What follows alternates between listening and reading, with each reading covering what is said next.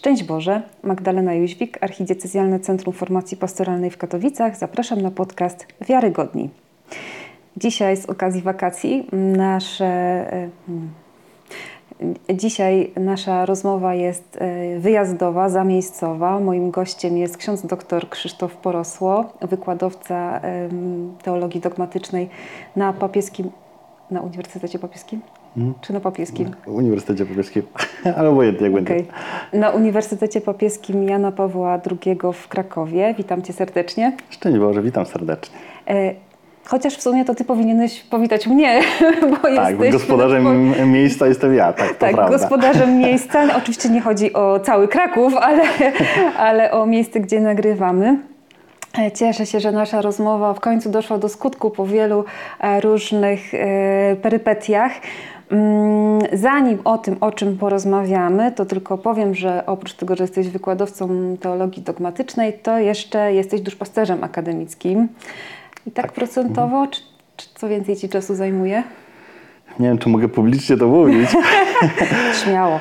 E, no myślę, że, że aktualnie chyba bardziej jestem duszpasterzem akademickim niż teologiem dogmatycznym, ale staram się to łączyć, staram. Naprawdę zależy mi na tym, żeby, żeby jedno i drugie robić nie, nie tylko z sercem, ale też takim no, realnym zaangażowaniem i profesjonalizmem. Mhm. Ale chyba jednak akcenty po prostu są takie, że, że duszpasterstwo pochłania ten czas. Mhm.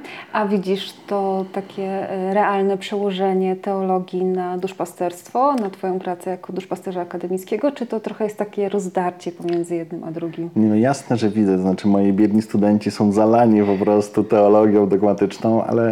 Yy no mam takie przeświadczenie, że no formacja polega na tym, żeby y, no, no była, była oparta na dobrej teologii i, i żeby właśnie y, nie bać się przekładać też teologii na, e, na takie egzystencjalne przełożenie, ale oprócz takiego wymiaru egzystencjalnego, którego najczęściej szukamy, to żeby też po prostu Pana Boga poznawać. Jakby to jest główne założenie formacji. No jesteśmy, e, czy jednym z wymiarów też naszego zbawienia jest poznawanie Pana Boga, odkrywanie tego, co ono sobie objawia i dlatego też staram się e, no właśnie karmić ich taką dobrą teologią. Już nie mówiąc o tym, że ona też po prostu pozwala lepiej rozumieć e, świat, rzeczywistość, to co się obok nas dzieje więc adekwatniej też odpowiadać na pytania, które się w tym świecie pojawiają. Mhm. Wspomniałeś o formacji i e, wiem też z researchu, który zrobiłam, że y, od swojej młodości byłeś e, zaangażowany w ruch Światło-Życie zaangażowany, to, to, nie tylko chodzi o jakąś e, takie bycie jakimś sympatykiem, tylko właśnie aktywnym członkiem tego ruchu przez wiele lat, prawda? Tak, e, choć to nie, nie było od dzieciństwa. E, mhm. Ja pierwszy raz pojechałem na rekolekcje oazowe kończąc gimnazjum, czyli przed mhm. szkołą średnią. Ale tak trochę mam w życiu, że jak się w coś angażuję, to już na całego, więc jak pojechałem na rekolekcję, to tak, to całkowicie wsiąknąłem i, i dość szybko e, też faktycznie się zaangażowałem. To znaczy, oprócz tego wymiaru własnej osobistej formacji, tego co przyjmowałem i czerpałem, to też zaczęła się kwestia posługi jako animatora liturgicznego, więc zacząłem w ten sposób e, też służyć i w parafii, no a potem też na szczeblu decyzjalnym. I to też tak naprawdę e, no, ruchowi Światło Życie zawdzięczam bardzo wiele. E, no, w ramach też formacji ruchu i tego zaangażowania zacząłem właśnie odkrywać powołanie. Z tym też jest związane to, że jakby w ramach ruchu Światło Życie i tej formacji odkryłem moją pasję, jaką jest liturgia czy też w ogóle kontakt z teologią. Miałem takiego cudownego moderatora oazowego w swojej mhm. parafii, e, który nas karmił na mszach oazowych. Czwart, każdy czwarty mieliśmy mszę oazową. No właśnie dobrą teologią. Znaczy na przykład Ratzingera poznałem dzięki niemu, bo miał cały cykl kazań o wprowadzeniu w chrześcijaństwo Ratzingera. Nie? Wspaniale. Ja jako właśnie gimnazjalista czy uczeń pierwszej klasy szkoły średniej po prostu słuchałem o wprowadzeniu w chrześcijaństwo, które im było przedstawiane właśnie zrozumiały sposób przez moderatora oazy. I dzięki niemu zacząłem czytać książki teologiczne, dzięki niemu przed pójściem do seminarium miałem większość Baltazara przeczytanego. I, I to mnie tak po prostu wchłonęło.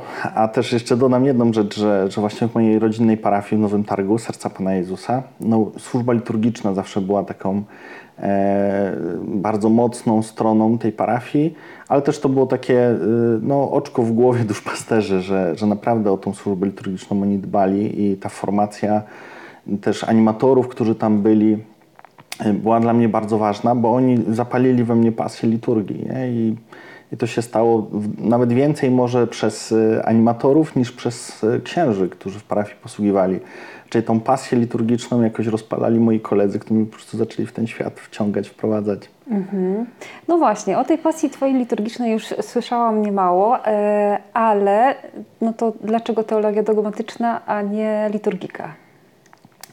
To był bardzo świadomy wybór. E, on był motywowany wieloma kwestiami, e, ale taką najważniejszą to to, że, mm, że mnie zawsze najbardziej pasjonował i interesował Bóg. A liturgia jest, jest szczególnym sposobem do, do, do tego spotkania z Nim, do oddawania Mu czci i chwały. Natomiast y, w tym sensie ona jest nie celem, tylko narzędziem. Mhm. I mm, przez to wyrażenie nie chcę jej jakoś dyskredytować i powiedzieć właśnie, że jest mało ważna. Tak, ja już tu widziałam jest... od razu no. liturgistów, którzy no. wojują, że jak to, ale... Mhm. mhm. No, chyba taka najbliżej, żeby oddać to, co mam na myśli, to jest metafora Żana Corbona, który który mówi, że e, bardzo wielu purystów formy, tak -hmm. mocno nazywa, -hmm. zajmuje się siecią wodociągową, e, a za a bardzo ich nie interesuje woda, która tamtędy mm -hmm. płynie. Więc y, ja bym się chciał właśnie zajmować jako teolog wodą, która płynie, ale y, żeby też tą wodę móc uchwycić i złamać, złapać w jakieś ramy, no to potrzebujemy też trochę właśnie zająć się tą siecią mhm. wodociągową. I, I, w tym sensie jakby liturgia jest moją pasją i, i z nią jestem identyfikowany głównie. I raczej jak mnie ktoś zaprasza, to na te tematy związane właśnie z liturgią, ale staram się o niej właśnie opowiadać bardzo teologicznie, dogmatycznie. I właśnie też e, pokazywać, że, że w ogóle teologia dogmatyczna będzie niezrozumiała w oderwaniu od liturgii, gdzie liturgia jest szczególnym miejscem teologicznym, że faktycznie możemy w liturgii odkrywać to, w jaki sposób Kościół wierzy i w co wierzy, ale że też chodzi o coś więcej, to znaczy, że liturgia jest szczególnym też miejscem mm, cały czas realnego objawiania się Pana Boga, który do nas przychodzi, mówi, działa. I, i w tym sensie mm, no, właśnie teologia żyje w, liturgii. I, I, z tej perspektywy staram się o liturgii myśleć, mówić i, i nią zajmować. Mhm. E, nasi słuchacze już e, mają doświadczenie kilku, kilkudziesięciu prawie już odcinków naszego, naszego podcastu. E, i też chyba już taką e, trochę tradycją jest to, że próbujemy mm, w tych naszych podcastach tak bardziej syntetycznie pokazywać różne zagadnienia teologiczne i dlatego bardzo się cieszę, że rozmawiamy, bo wpisujesz się idealnie w ten, w ten koncept, który, e, który mam, to znaczy żeby właśnie nie szatkować tej naszej teologii na poszczególne dziedziny, co przeżyliśmy oboje na studiach, ale pokazywać je w jak największej syntezie, bo nie wiem, czy się zgodzisz ze mną, ale chyba to, że tak rozczłonkowujemy różne zagadnienia teologiczne sprawia, że właśnie potem wpadamy w różnego rodzaju takie, można powiedzieć chyba po prostu fanatyzmy, tak? Niektórzy są y, takimi liturgistami, że się ich oskarża wręcz o terroryzm, a niektórzy tak wołują teologią dogmatyczną, że po prostu próbują być mm, bardziej papiescy niż papież i nawet sam Pan Bóg, nie? Więc wydaje mi się, że, że to, co robisz, ale y, właśnie z tym, że, że jednak poszedłeś w innym kierunku, no to wiadomo, to też po prostu poszerza horyzonty, ale też pomaga w tym, żeby właśnie no, przedstawiać to bardziej w takim w takiej syntezie, w takiej całości, a nie tylko w takim ciągłym rozczłonkowaniu. Też y, bardzo lubię takie momenty, kiedy na przykład na, po jakimś wykładzie ktoś podchodzi i mówi no, że to chrześcijaństwo to takie super logiczne jest. Właśnie, mam to samo. I e, że, że takie doświadczenie, że faktycznie e, to się ze sobą łączy, to znaczy opowieść o zbawieniu jest ściśle związana z opowieścią o tym, kim jest Bóg e, w Trójcy Jedyny i że to jest e, tak ściśle związane właśnie potem z liturgią, w której e, ten Bóg uobecnia się i działa i że to się tak ściśle łączy z teologią łaski, a znowu teologii łaski nie zrozumiesz bez bez dobrej teologii stworzenia. Tak, zdecydowanie. a ona jest znowu potrzebna do tego, żeby mieć właściwą antropologię. Jakby to po prostu nagle okazuje, że faktycznie między jedną a drugą dziedziną teologii dogmatycznej w naturalny sposób sobie przechodzisz. E, pewnie tak samo jest też z innymi działami teologii. E, właśnie potem teologia praktyczna powinna wynikać z e, dobrej teologii dogmatycznej. Mhm. Pewnie czasami mamy doświadczenie, że tak nie jest, że trochę nie wiemy skąd ta praktyka się bierze, ale no, ja jednak wychodzę z założenia, że dobra, dobra praktyka wynika z dobrej teorii. E, choć niektórzy właśnie jakby próbują się jakoś dystansować, nie? a ja nie potrzebuję tej teologii. To, są, czasami z klerykami mam takie doświadczenie. Nie? Oni mówią, a po co my się tego mamy uczyć? Ja będę duszpasterzem, jakby nie potrzebuję tej, tego całego, całej tej konstrukcji teologicznej. Nie? Natomiast mam przeświadczenie, że bez tej konstrukcji potem duszpasterstwo jest po prostu puste w treści. Mhm. E, puste w treść i, i, widzisz jakieś inne jeszcze niebezpieczeństwa związane z tym, że e, od, od, odrywamy teologię od, od praktyki? No, olbrzymie, to się nazywa potem patologia duchowości. Tak, ja też bym tak to ujęła. którą, e, którą też i zarówno duszpasterzy, jak i też różnych świeckich liderów zaczyna potem no, jakoś tam kształtować właśnie ludzi w, w takim kierunku.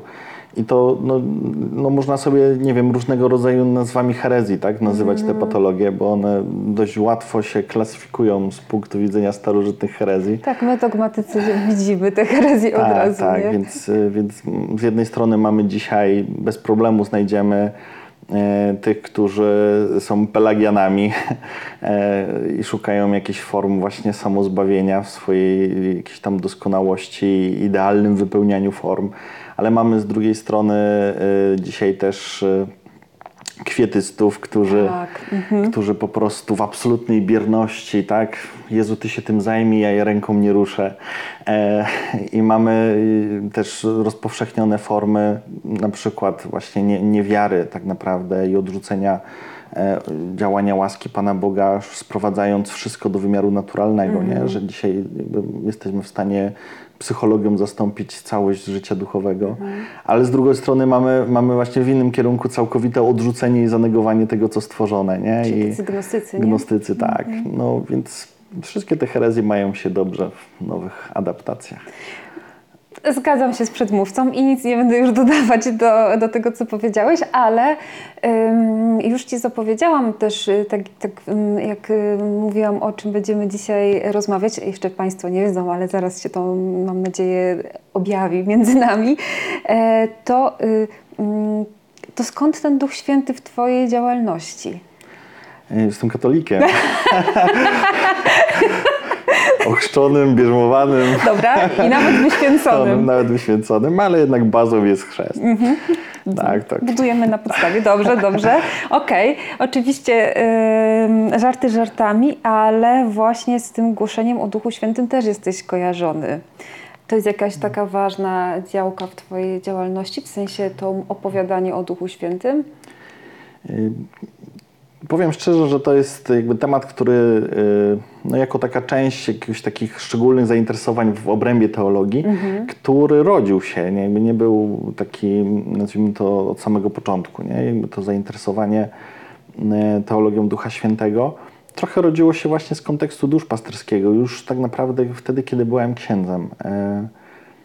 Y, gdzie zacząłem też mm, towarzyszyć e, mhm. wiernym, którzy no, byli związani z różnego rodzaju grupami e, odnowy, e, zarówno tymi, które nazywamy takimi bardziej nie wiem, tradycyjnymi, konserwatywnymi, jak właśnie Ruch Światło Życie, czy, czy tymi właśnie charyzmatycznymi, takimi, które jakby nie są zrzeszone w żadną większą kongregację, tylko po prostu w ramach wspólnoty E, parafialnej czy w diecezji jest jedna grupa, która, e, która zaczęła się formować, gromadzić. I, e, no i w dużej mierze jakby to zainteresowanie właśnie teologią Ducha Świętego, charyzmatów, no, wynikło po prostu z praktyki duszpasterskiej, to znaczy, żeby adekwatnie tym ludziom towarzyszyć. Znaczy, na pewno miałem w sobie taką postawę, że mm, nie jest czymś dobrym, właściwym podcinać im na dzień dobry skrzydła i, i jakby w ogóle podejść do tego w jakiś taki sposób albo lękliwy, albo E, no, właśnie trochę nawet despotyczny, tak, mhm. że teraz ja przychodzę jako pasterz do wspólnoty i, i, i tnę, zabraniam. Mhm. Nie, raczej starałem się zrozumieć pewne rzeczy, których nie znałem z wcześniejszego swojego też doświadczenia formacyjnego, raczej właśnie wychowany w takiej e, wspólnocie oazowej, ale w takim no, rozumieniu e, charyzmatyczności, mało charyzmatycznej, raczej zdecydowanie bardziej opartej na takim poznaniu intelektualnym, formacji mhm. liturgicznej, biblijnej. E, bez doświadczenia e, modlitwy, właśnie uwielbienia. I, I, to był świat, w który dopiero zaczynałem wchodzić i starałem się wchodzić e, z taką otwartością, ale równocześnie też widząc nie, różnego rodzaju nadużycia, właśnie te patologie duchowości w tych, w tych wspólnotach, ale też szerzej w ogóle w kontekście gdzieś tam tego, co nazywam nową ewangelizacją, czy właśnie ruchami charyzmatycznymi w Polsce. No i, i to trochę się tak rodziło na zasadzie takiej, że, że no może właśnie moim powołaniem jako teologa w Kościele jest, e, jest towarzyszyć tym ludziom, dając im właśnie dobrą teologię, ale równocześnie z takim naprawdę dużą otwartością i sympatią i życzliwością względem tego środowiska. Nie? I, bardzo mnie ujmuje e, wstęp do, do no, tej książki Benedykta XVI Jezus Nazaretu, którą już napisał jako papież. I on tam pisze właśnie, że bardzo prosi e, przyszłych krytyków tej książki, czy w ogóle tych, którzy biorą się za czytanie tej książki, o odrobinę życzliwości. Mhm. I wydaje mi się, że często w stosunku do, do też tych wspólnot charyzmatycznych brakło tej odrobiny życzliwości. E, i, no i właśnie ja zacząłem ten temat z taką życzliwością, ale teologicznie jakoś zgłębiać, poznawać, interesować się tym. E, I to wynikło zdecydowanie z duszpasterskiego kontekstu. No a potem mnie trochę wchłonęło mhm. na zasadzie takiej, że stało się też częścią jakiejś mojej własnej duchowości, drogi. E, I, i, I, też zacząłem, no, jak podjąłem studia doktoranckie, no to też podjąłem taką decyzję, że napiszę swój doktorat o o teologii Ducha Świętego. Mhm. E, aczkolwiek właśnie w liturgii to jeszcze takiej e, dość egzotycznie brzmiącej dla, dla większości osób, bo liturgii hiszpańsko-mozarabskiej. Mhm. E, więc, więc to był temat, który jakby łączył różne moje pasje. Liturgię, e, w ogóle teologię dogmatyczną, no i właśnie ten konkretny temat Ducha Świętego, tworząc taką syntezę Dobrze, tej nauki o duchu. Czemu hiszpańsko-mozarabskiej? A czemu hiszpańsko-mozarabskiej? To jest w ogóle liturgia, która jest starożytną tradycją mm. liturgiczną, do dzisiaj trwającą e, w Toledo i w, tych, w tym rejonie właśnie na Półwyspie Iberyjskim przede wszystkim. Ona przez pierwsze tysiąclecie była właściwą liturgią dla mm -hmm. Półwyspu Iberyjskiego, potem z, z powodu różnych skomplikowanych procesów historycznych doszło do, do abolicji tego rytu, także została, został ten ryt zastąpiony w Hiszpanii rytem rzymskim, e, ale kilka parafii, dokładnie sześć parafii w Toledo dostało ten przywilej, żeby cały czas tę liturgię celebrować. No i ona jest do dzisiaj pielęgnowana. E, I zająłem się tą liturgią z dwóch powodów. Mhm. Po pierwsze dlatego, że jest mało znana, szczególnie polskiemu mhm. czytelnikowi, czy, czy właśnie w polskiej teologii. E, no, zawsze z punktu widzenia naukowego warto podejmować temat, który jest mało znany, bo e, po pierwsze natychmiast się staje ekspertem. A, no tak, no tak, bo nie ma za dużej konkurencji. Nie ma konkurencji. Mhm. A po drugie dlatego, że naprawdę można zrobić coś nowego nie? i mhm. nie przepisywać książki do książki, tylko mieć taką satysfakcję naukową, że zrobiłem coś, czego jeszcze naprawdę nikt nie zrobił. Mhm. Natomiast y, z punktu widzenia poznawczego chodziło o to, że mm, właśnie takim moim liturgicznym mistrzem jest Jean Corbon. Mhm. Francuski teolog, o nim pisałem swoją pracę magisterską o jego teologii liturgii i jego książka Liturgia źródło wody życia no jest takim punktem przełomowym w moim myśleniu, rozumieniu, modlitwie, liturgią. Mówię, że jest do tej książki i po tej książce. Okay. Mhm. I on kiedyś powiedział takie zdanie, że y, y, dla, dla człowieka, który jest wychowany w zachodniej liturgii, żyje zachodnią liturgią, jest chrześcijaninem obrządków zachodnich, taką e, pierwszą, najkrótszą, najprostszą drogą do odkrywania wschodnich liturgii jest przejście tym mostem, jakim jest liturgia hiszpańsko-mozarabska. Mm. I y, jakoś te wschodnie liturgie mnie też interesują, pasjonują, natomiast no, ani nie mam zaplecza takiego intelektualno-narzędziowego, jak Mhm. chociażby znajomości tych języków wschodnich, y, żeby się nią zająć tak bardziej na poważnie i profesjonalnie, że zostaję jakoś przy liturgii właśnie tradycji zachodnich i, i ta łacina jest podstawą. E, to jednak właśnie, żeby troszeczkę też posmakować tego wschodu, no to wszedłem na ten most. Mhm. Trochę to ciekawe, żeby posmakować wschodu, udać się na zachód bardziej, nie? Dokładnie, ale właśnie Ale chodzi o to, że to jest tradycja, Mhm. która jest bardzo mocno zakorzeniona w tradycjach wschodnich. Jest bardzo dużo takich wyraźnych paralel i, i rzeczy, które właśnie ten, ta liturgia czerpała ze, ze wschodu. E, No a przez to, że zakonserwowała się pod koniec pierwszego tysiąclecia i już nie miała żadnych zmian takich ewolucyjnych w ramach rytu, no to też zachowała wiele pierwotnych form. I, I dzięki temu też możemy właśnie trochę poznawać e, tę liturgię z takiego jakby punktu, w którym chrześcijaństwo jest jeszcze niepodzielone. A ta liturgia ukształtowała się pod wpływem chrześcijan z Afryki, tak? Dlatego ona ma te korzenie wschodnie? Z północy Afryki? Wchodzisz na, na grunt długiej dyskusji. Aha. E, Tak to- w trzech to jest zdaniach, bo umieram z ciekawości. jedna z teorii. Okej. Jedna z teorii mówi, Bo że... dlatego myślę, że stąd ten wschód, nie? Stąd ten, ten klimat wschodnich Tak, to kościołów. znaczy jedna, jedna z teorii właśnie mówi o tym, że najbliżej tej liturgii byłoby do liturgii północnoafrykańskiej. E, Ale któryś z tych ko- kościołów ortodoksyjnych, w sensie tych starożytnych przedchalcedońskich, czy jeszcze wcześniejszych? To znaczy do tej pory najdłuż, no jakby najbardziej rozpowszechnioną teorią była taka, że to właśnie liturgia e, i tradycja aleksandryjska miała wpływ. Mhm, okej. Natomiast ja ośmieliłem się w moim doktoracie e, zakwestionować tę tezę Mhm. i jednym właśnie z elementów mojej pracy doktorskiej było pokazanie jakby ewolucji modlitw eucharystycznych tej tradycji Mhm. i pokazanie, że mm, no, bazą, pewnym fundamentem zdecydowanie bardziej jest tradycja antiocheńska niż aleksandryjska. O, czy jeszcze bardziej na wschód? Tak. Okej. Mhm. I, i dla... Ale skąd? W sensie, którędy to doszło? W dużej mierze mm, tą samą drogą, którą Ewangelia szła, to znaczy Mhm, Okej. powiedziałbym drogą morską I, No tak. i Morzem Śródziemnym, ale i Morzem Śródziemnym. No tak. Natomiast y, no, wydaje się, że, y, że jednak właśnie tu szlaki handlowe były i mm, w dużej mierze takim właśnie źródłem też e, wymiany e, myśli i, i te, te liturgie na siebie naprawdę oddziaływały. Natomiast y, no jakby też trudne do wykazania jest po prostu pokazanie bezpośredniego wpływu, chociażby z tego powodu, że naprawdę nie mamy praktycznie żadnych źródeł pisanych z pierwszych wieków, żeby można było się do nich jakoś odnieść i odwołać. Są trochę próby rekonstrukcji na zasadzie takiej, jak o tym opowiadał taki wybitny historyk liturgii Paul Bradshaw, który mówi, że badanie starożytnych liturgii przypomina układanie puzli których większość kawałków zgubiliśmy, nie mamy obrazka wzoru. Te, które mamy, mają złamane te uszka do, do składania i jeszcze wyblakłe kolory. No, tak. Poza tym te puzzle możemy swobodnie układać. I, I dlatego raczej są to pewnego rodzaju hipotezy i z dużą, dużą dozą ostrożności niż z absolutnym przekonaniem. E, Dobrze, to może wróćmy do tego Ducha Mhm. Świętego, bo tak e, jak widzisz, e, te wątki się tutaj e, nakładają, ale no, jak mam tutaj eksperta, specjalistę, to trudno nie Wystarczy zapytać. jedną książkę napisać i jest już, ekspertem. od razu. Od razu. No właśnie, przepis na zostanie ekspertem. E, Powiedziałeś, że to zainteresowanie Duchem Świętym wyniknęło z duszpasterstwa.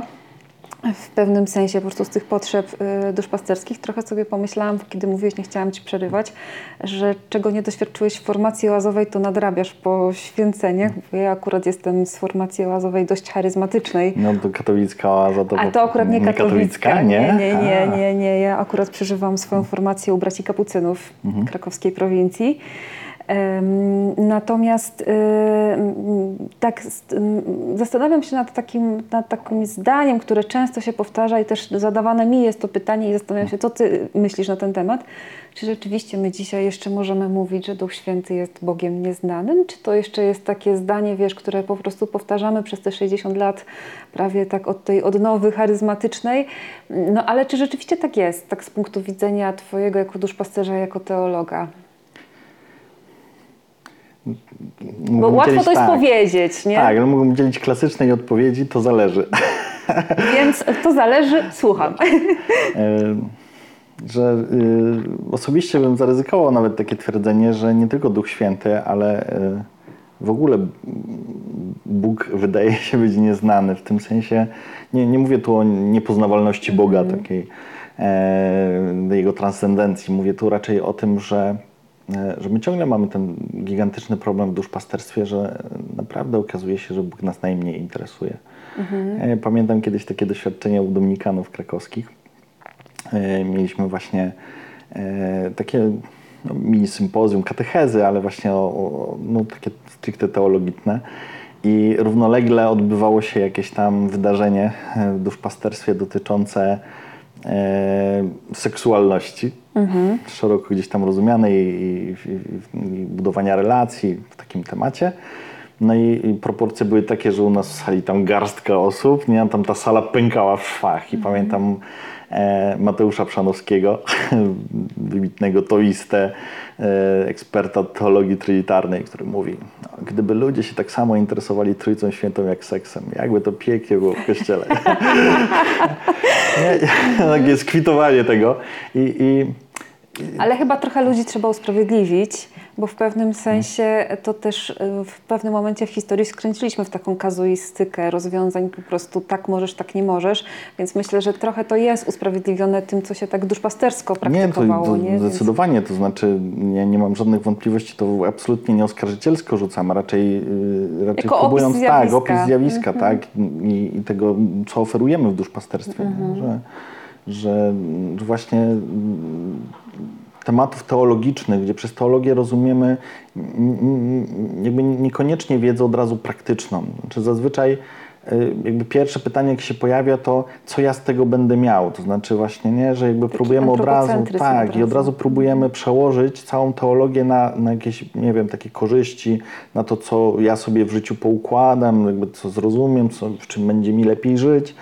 Natomiast y, no, jakby w ogóle nie mamy tego nastawienia, że no, tak naprawdę nastawienia miłości. To znaczy, jak kogoś kocham, to chcę go poznać. Nie dlatego, że dzięki temu ja będę miał jakąś większą korzyść, tylko dlatego, że, że kocham tę osobę. Że ona jest godna miłości. Tak, i, i chcę ją po prostu poznawać.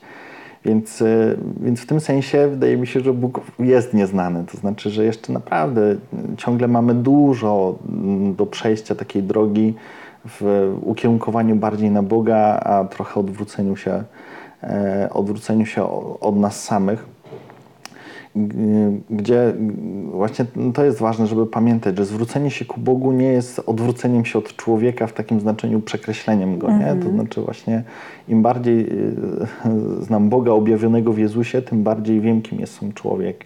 Mhm. E, no bo to jest fenomen chrześcijaństwa, nie? że właśnie poznając Boga, poznajemy człowieka. Mhm.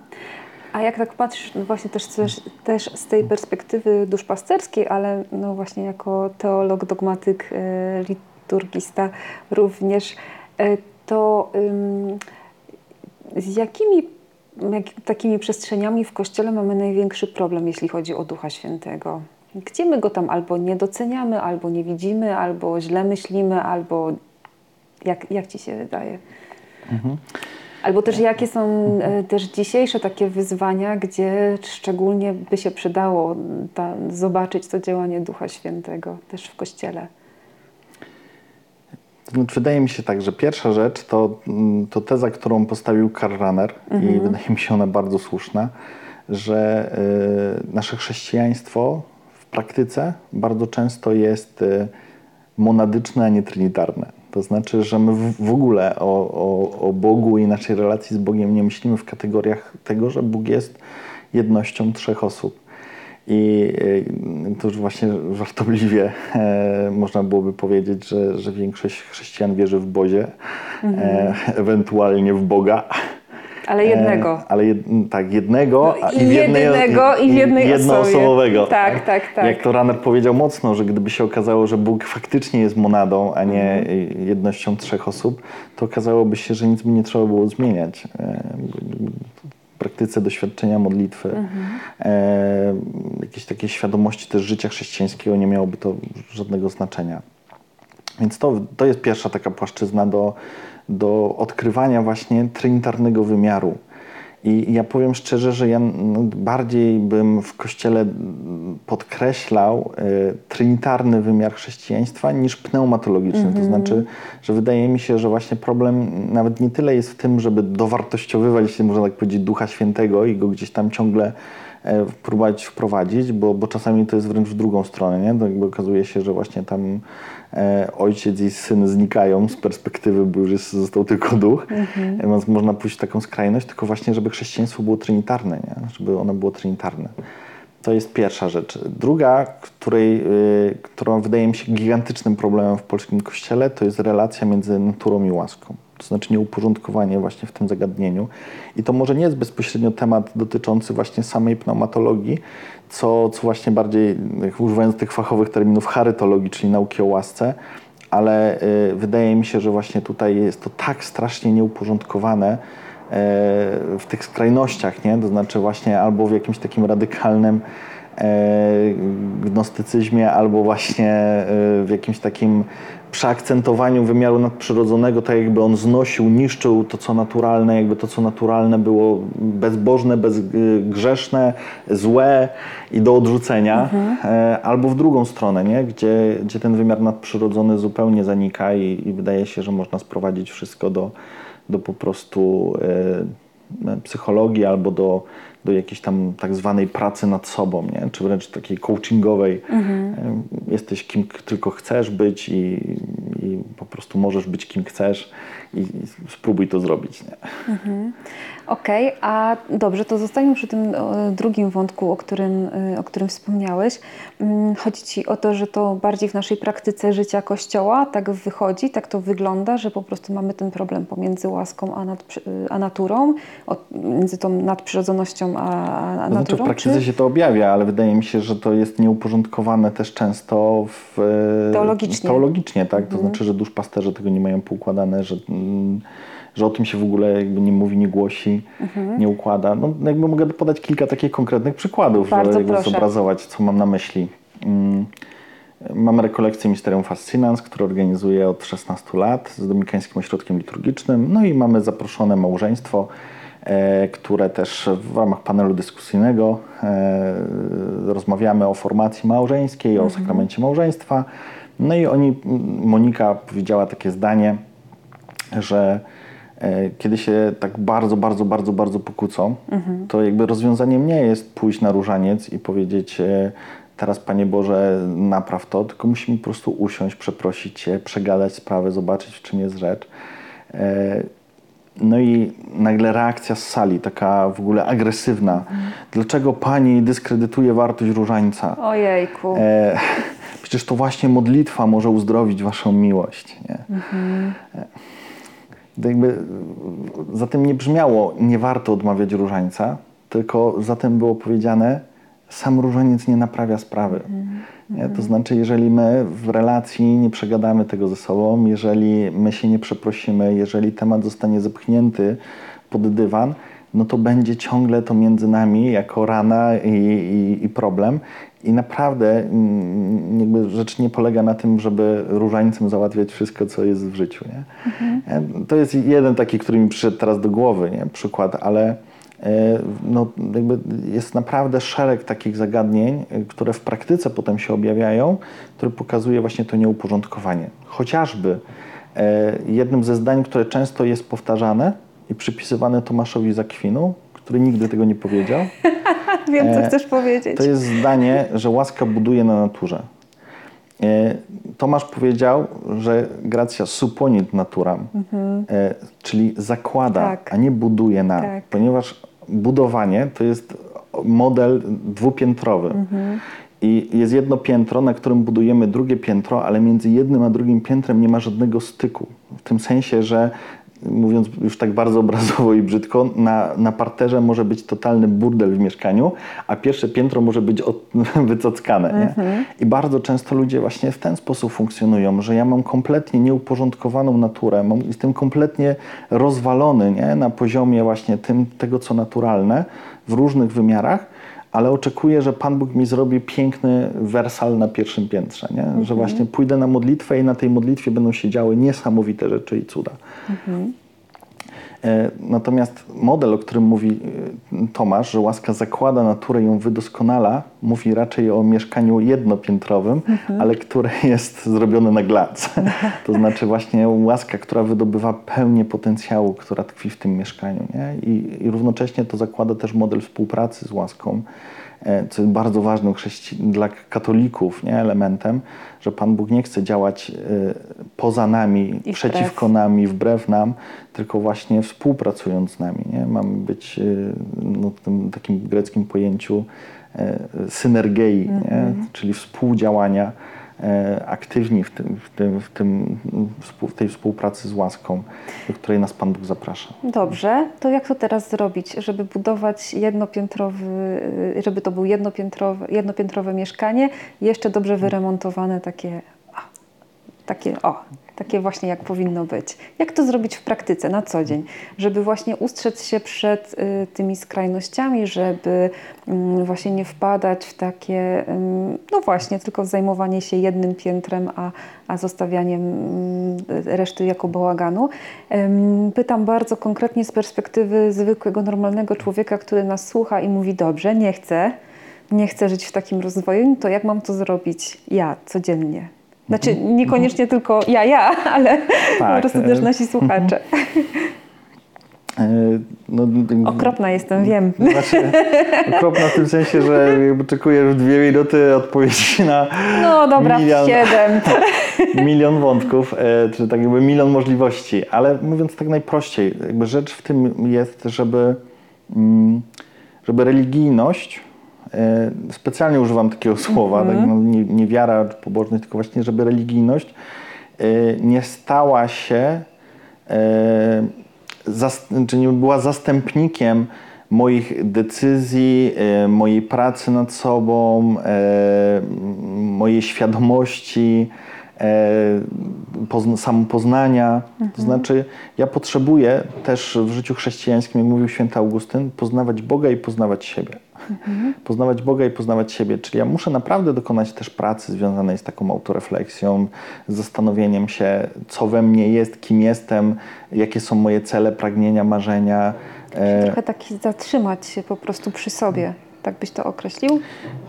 to jako mm, nie tyle od czasu do czasu, tak mówimy, nie? Pojeść na rekolekcję, żeby na chwilę się zatrzymać przy sobie. Tak, nie ja chodziło mi mówię o to, Tak, mówię Mhm. o, o czymś takim, co jest stałym elementem mojego życia. To Mhm. znaczy, że ja po prostu przeżywam całość swojego życia w takiej naprawdę świadomości tego, kim jestem, jakie są cele, do czego ja dążę, czego ja pragnę. E, Że moje życie nie jest tylko zbiorem jakby przypadkowych wydarzeń, które mnie gdzieś tam spotykają, e, że trochę to nie jest tak, że nie wiem, jakbym płynął w wodzie i, i jakby trochę nie mam wpływu na to, która woda mnie otacza i, opływa, tylko e, że, moje życie naprawdę jest przeżywane przeze mnie w sposób świadomy, co nie oznacza, że mam nad nim pełną kontrolę, tak? ale chodzi o to, że, że ja biorę odpowiedzialność za, za to życie. No i w tym sensie też pracuję nad e, kształtowaniem cnót. E, To myślę, że jest taki temat, który bardzo zagubiliśmy w teologii moralnej dzisiaj.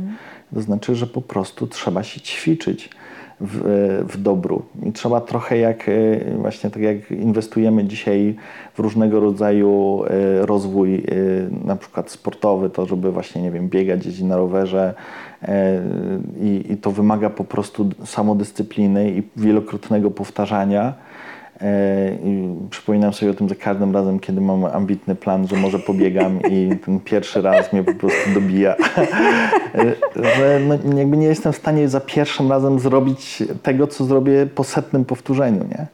I... Z doświadczenia powiem Ci, że za każdym kolejnym razem jest lepiej. Naprawdę. Tak, mam tego pełną świadomość, ale właśnie przejść do tego mhm. kolejnego to jest to trudność, o którym się rozbijamy, ale no, potrzebujemy w życiu chrześcijańskim po prostu potrzeba kształtowania też cnót i, i po prostu ćwiczenia się w dobru, e, potrzeba formacji i, i tej intelektualnej i duchowej. E, no, potrzebujemy ascezy. Nie? I to jest bardzo konkretny wymiar nie? tego mm, właśnie, jak to bardzo pięknie kiedyś ksiądz Grzywocz powiedział, że, że e, asceza najczęściej nam się kojarzy z jakimś mm, wyrzeczeniem, ale tak naprawdę w słowie wyrzekać jest powiedziane, że coś mówię, mhm. że, że, że chcę rzeknąć coś. Tak, tak, tak. Nie? I w tym sensie ja wypowiadam to, kim jestem naprawdę i, i używał takiej metafory właśnie tak jak Michał Anioł widział w bryle kamienia e, już rzeźbę, którą chciał, mhm. tak, musiał wydobyć rzeźbę, która w tym kamieniu tkwiła i trzeba było odrzucić to, co tę rzeźbę przykrywa, to trochę na tym polega też asceza, że ja wydobywam siebie e, i odrzucając to, co przykrywa to, to, to kim jestem. Potrzebujemy ascezy. No, na pewno będziemy no, potrzebować po prostu też e, E, I chyba to jest jedna z najtrudniejszych rzeczy, pewnej samodyscypliny w, takim, w takiej wierności modlitwie, mhm. codziennej modlitwie. To takie moje doświadczenie z moich własnych zmagań o tę codzienną modlitwę, w takiej naprawdę wierności, uczciwości, hojności tego czasu danego Panu Bogu. I wierzę w to, że to jest najważniejsze, że jakby łatwo jest o tym mówić, że jest nie, najcenniejsze, co mamy, a równocześnie potem jakby praktyka duszpasterska jest za każdym razem wydaje się być ważniejsza niż ta modlitwa, mhm. ale y, też w takim doświadczeniu towarzyszenia ludziom, którzy nawet mają bardzo właśnie piękne takie pragnienia bycia i, i przy Panu Bogu i życia w bliskości z Nim, a równocześnie rozbijają się właśnie bardzo często tę wierność modlitwie. E, I jakby z tego się wyłania właśnie taki, taki obraz y, człowieka, który pracuje nad sobą, e, ale równocześnie w tej pracy nad sobą nie sprowadza wszystkiego do, e, do moich własnych sił, do mojej właśnie własnej pracy, tylko jakby właśnie punktem kulminacyjnym jest życie modlitwy i bliskość z Chrystusem. To znaczy wiara też w to, że e, sakramenty mnie przemieniają i że Eucharystia jest źródłem mojego uświęcenia. To znaczy, że, że faktycznie, jak też Tomasz Zakwinu używał takiej pięknej metafory, do której ja bardzo często wracam, że, że łaska działa trochę jak ogień na metal. Mhm. Jak ten ogień podgrzewa metal, to on nie przestaje być metalem, ale zaczyna nabierać cech ognia, temperatury, koloru i zaczyna być łatwo kształtowalny. Można mu mhm. nadać właściwą formę. I tak też z nami jest, kiedy właśnie poddajemy się działaniu łaski sakramentalnej, to nabieramy cech Boga, w tego ognia, w którym uczestniczymy, Jego mądrości, Jego zdolności do kochania, przebaczania, E, miłości ofiarnej, właśnie życia, wydając siebie w ofierze, a równocześnie stajemy się właśnie łatwo kształtowalni. Znaczy Pan Bóg może zacząć nas e, modelować e, na wzór swojego Syna, tak jak tego pragnie. I, i tutaj ta, ta łaska sakramentalna będzie taką naprawdę fundamentem. Też takie, takie zaufanie w to, że mm, to, co Pan Bóg mi daje, to, co się wydarza po prostu w mojej codzienności, E, jest darem od Niego. Nie? Czyli przeżywam swoje życie po pierwsze w dziękczynieniu, jakby w takim ciągłym, nieustannym byciu obdarowanym, nie? że naprawdę nic mi się nie należy i że wszystko, co się wydarza, jest dobrem niezasłużonym, które jest łaską. E, ale równocześnie też w takim przeświadczeniu, że nawet to, co trudne się dzieje w moim życiu, skoro zostało dopuszczone przez Pana Boga, to znaczy, że on może z tego wyprowadzić jeszcze większe dobro, a przede wszystkim może mnie przez te wszystkie doświadczenia przeprowadzić. Nie? Że, e, że, w tym sensie moje życie chrześcijańskie jest cały czas takie paschalne. Jest, jest przeprowadzaniem przez ogień, a nie zabieraniem ognia. I no i to się, jakby z tego się tworzy właśnie to, co, co, co będziemy po prostu nazywać naszym życiem, ale też właśnie życiem chrześcijańskim, czyli tą e, zaufaniem Bogu i budowaniem na Bogu mojego życia, ale równocześnie w taki sposób, że, e, że Pan Bóg może bardzo dużo w moim życiu robić, ale wraz ze mną. Nie? To znaczy, mówiąc tak już bardzo obrazowo na koniec, e, że, że jak ja proszę, Panie Boże, to, to, to i to w moim życiu się wali, działaj, to Pan Bóg wtedy może powiedzieć: Jasne, będę działał, zróbmy to razem. Mhm. Dokładnie. Tak jak Cię słuchałam, to mm, pomyślałam sobie, że po prostu chyba to, o co chodzi, to przede wszystkim takie integralne spojrzenie na człowieka, że tak naprawdę no trochę jak przy budowie domu, tak, że musimy wziąć wiele rzeczy pod uwagę, jak chcemy wybudować ten dom, a nie możemy tylko się skupić na budowaniu jednej ściany, no bo z jednej ściany to nie za wiele będzie, prawda? Natomiast kiedy mówiłeś o tych różnych aspektach i, i tutaj odwołałeś się też do sportu, to śmiałam się, bo Ostatnio sobie pomyślałam, że naprawdę ktoś musiałby napisać doktorat rola sportu w życiu duchowym, bo myślę, że właśnie to, o czym też powiedziałeś... Nie wiem, czy nie istnieje takie coś. Trzeba sprawdzić, trzeba sprawdzić, może już ktoś, może ktoś już napisał, ale jest coś w tym, że rzeczywiście to uczy dyscypliny, ale też dodaje energii i też dodaje po prostu takiej mm, no, sprawności, że wiadomo, że potem trochę łatwiej nam różne rzeczy zrobić, no ale to tak, jeśli tylko chodzi o ten jeden aspekt. A na pewno święty Paweł trochę nam na ten temat napisał. E, tak, tak, tak, tak. On, on, on nawet używał tej metafory, że w dobrych zawodach no. wystąpił, bieg ukończył, nie? Do zapasów się odbyło. Tak, tak, właśnie. tak. No, ja wiesz, biegi zapamiętałam, ty zapasy, więc każdy tutaj swoje. Ale właśnie chyba tą radę, którą możemy dać naszym słuchaczom, to właśnie to, że, że patrzymy na całego człowieka i wtedy jest mniejsze ryzyko e, tego przeakcentowania któregoś e, wymiaru. Ja mam wrażenie, nie wiem czy się ze mną zgodzisz e, z tą obserwacją, że trochę nam kultura pomaga w tym, żeby jednak uczyć się patrzeć na, na siebie, na swoje życie, ale też na innych z wielu różnych aspektów. Że mam wrażenie, że kiedyś może, mm, kiedy tam różnorodność, kiedy byliśmy bardziej takim jednolitym społeczeństwem, e, po prostu no wszyscy tak robią, wszyscy tak się zachowują, byliśmy bardziej na zewnątrz i nie wymagało to takiej mm, no trochę pewnie upraszczam, ale takiej autorefleksji, takiego zastanowienia się, o co mi naprawdę chodzi. A teraz, kiedy żyjemy w takiej różnorodności, to się po prostu tak nie da. Musimy się określić, kim jesteśmy, dlaczego tak żyjemy, być bardziej świadomymi siebie i może to też po prostu trochę nam pomoże w takim bardziej integralnym przeżywaniu E, swojej relacji z Panem Bogiem, w takim mm, e, swojej duchowości, która przecież nie jest jakimś jednym aspektem. Duchowość to jest po prostu człowiek, który żyje w relacji z Bogiem, tak? tak we wszystkich tak. wymiarach swojego życia. Tak, właśnie, że też jakby w ogóle jakby wymiar, właśnie to, co nazywamy duchowością, można też e, sprowadzić do jakiegoś jednego wymiaru naszego życia, jakby to właśnie było te, nie wiem, 15 minut modlitwy porannej mhm. i niedzielna Eucharystia, nie? To jest duchowość mojego życia. No i myślę, że wiele osób jakby też tak przeżywa faktycznie swoje Ale życie. Ale to, że w ogóle duchowość to jest to, co się wiąże z Panem Bogiem bezpośrednio. Tak, tak. Mhm. A kiedy i, idziemy biegać, jeść mhm. kolację, czy y, nie wiem, spotkać się ze znajomymi, to już nie ma duchowości. Tak, tak. Wtedy jest normalne życie. Wtedy jest normalne życie. Mhm. Mhm. Y, ale no, no, właśnie, tutaj, i tutaj już jesteśmy w patologii, mhm. tak? Kiedy sobie dzielimy jedno, jedno na drugie, a z drugiej strony przecież Pan Józef Ewangelii nam pokazuje, e, że ta normalność życia też jest duchowością. Tak, nie?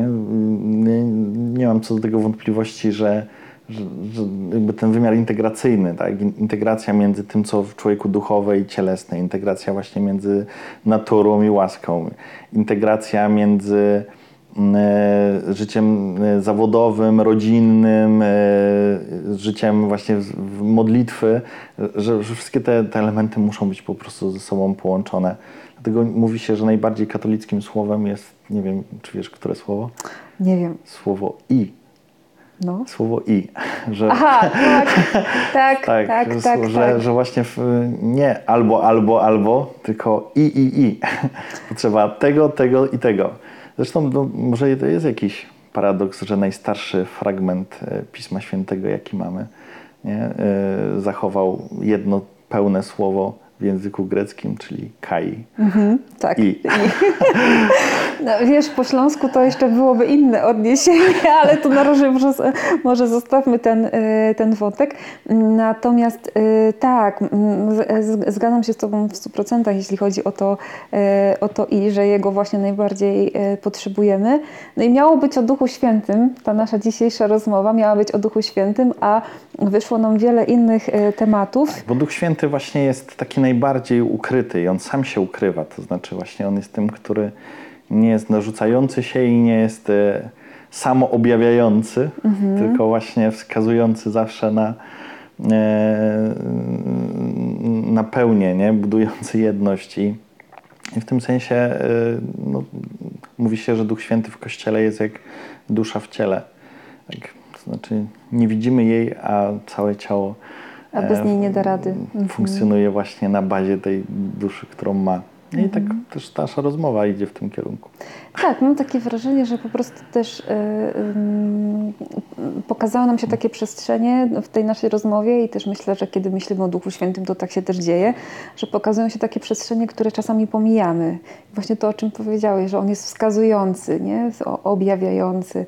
E, tak, że właśnie, mm, no właśnie, nam ma pokazać e, te przestrzenie, które, w których Bóg chce działać, które, które są Jego, Jego działaniem, no a my czasem gdzieś tam je, e, je pomijamy. Na koniec, ostatnie już pytanie, ale ym, chciałam Cię zapytać, ym, możesz się podzielić ze swojego doświadczenia, jak chcesz, ale, ale też no, myślę, że tak jak rozmawiamy, łączą Ci się wszystkie doświadczenia w jedno, Twoje osobiste z teologicznym i z duszpasterskim. Ym, jak rozpoznać Ducha Świętego i Jego działanie w swoim życiu? Po czym poznajemy, że to jest On? No najprościej byłoby powiedzieć po owocach. Aha, E, których? e, no, ja mógłbym wymieniać Pawłową listę, ale... Tą z e, Galatów. Tak, to z Galatów. Natomiast nie mam żadnych wątpliwości, że najbardziej jesteśmy podobni do Jezusa Chrystusa wtedy, kiedy kochamy nieprzyjaciół i kiedy przebaczamy tym, którzy nas krzywdzili.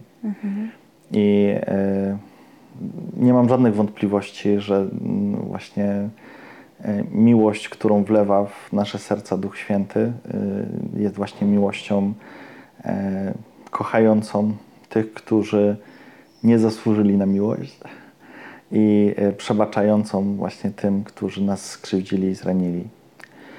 E, Ale też, choć nie chciałbym, żeby ta metafora była błędnie zrozumiana, ale ja o niej często myślę ze względu na to, to jest taki wątek, którego pewnie nie znasz, ale zanim zostałem księdzem, to pasjonowałem się informatyką. O proszę, I, to tego wątku nie znam. tak, i, i też e, no, całą gimnazjum, szkołę średnią programowałem, bardzo dużo pisałem kodu i, e, i mam taką właśnie metaforę z tym związaną, że dobry informatyk to nie jest taki, który ciągle umie naprawić program, który e, napisał, bo on ciągle coś się psuje i trzeba w nim zaingerować, tylko taki, który napisał kod jest obecny w tym kodzie e, właśnie w ten sposób, że on po prostu działa.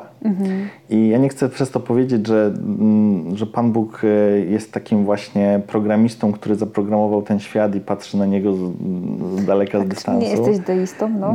Staram się nie być, ale równocześnie, e, żeby właśnie też dowartościować dobro tego świata stworzonego i to, że naprawdę Pan Bóg jest obecny w tym świecie przez e, m, swoją opatrzność, przez to, że ten świat podtrzymuje w istnieniu i przez to, że też rządzi tym, w tym świecie swoimi prawami i że e, jakby mm, nie mam potrzeby e, jakby ciągle widzieć Pana Boga jako takiego aktywnie zaangażowanego, że ja go ciągle przyzywam do tego, żeby on coś w tym świecie naprawiał. Jakby w takim przeświadczeniu, że ja go wołam, Panie Boże, znowu nie działa, znowu nie działa, jakby przyjdź napraw, przyjdź napraw. A wydaje mi się, że bardzo często rolę i, obecność Ducha Świętego do tego sprowadzamy. Zresztą miałem okazję niedawno być na takim uwielbieniu, e, na którym całe wprowadzenie do uwielbienia było w takim duchu, że czekamy na cuda, że teraz Pan Bóg będzie przychodził, będzie działał rzeczy nadprzyrodzone, że y, albo już dziękuj za cuda, które doświadczyłeś, albo dziękuj Panu Bogu za cuda, których doświadczysz, że cały ten wieczór jest po to, żeby się działy cuda. A ja tak siedziałem na tym uwielbieniu i mówię, Panie Boże, cały ten wieczór jest po to, żeby uwielbiać Cię za to, co stworzyłeś, za moje życie, za to, co naturalne, też za to, co nadprzyrodzone, ale ja naprawdę nie mam potrzeby siedzieć tutaj i czekać, I czekać tylko na na, coś, co cud. będzie. Mhm.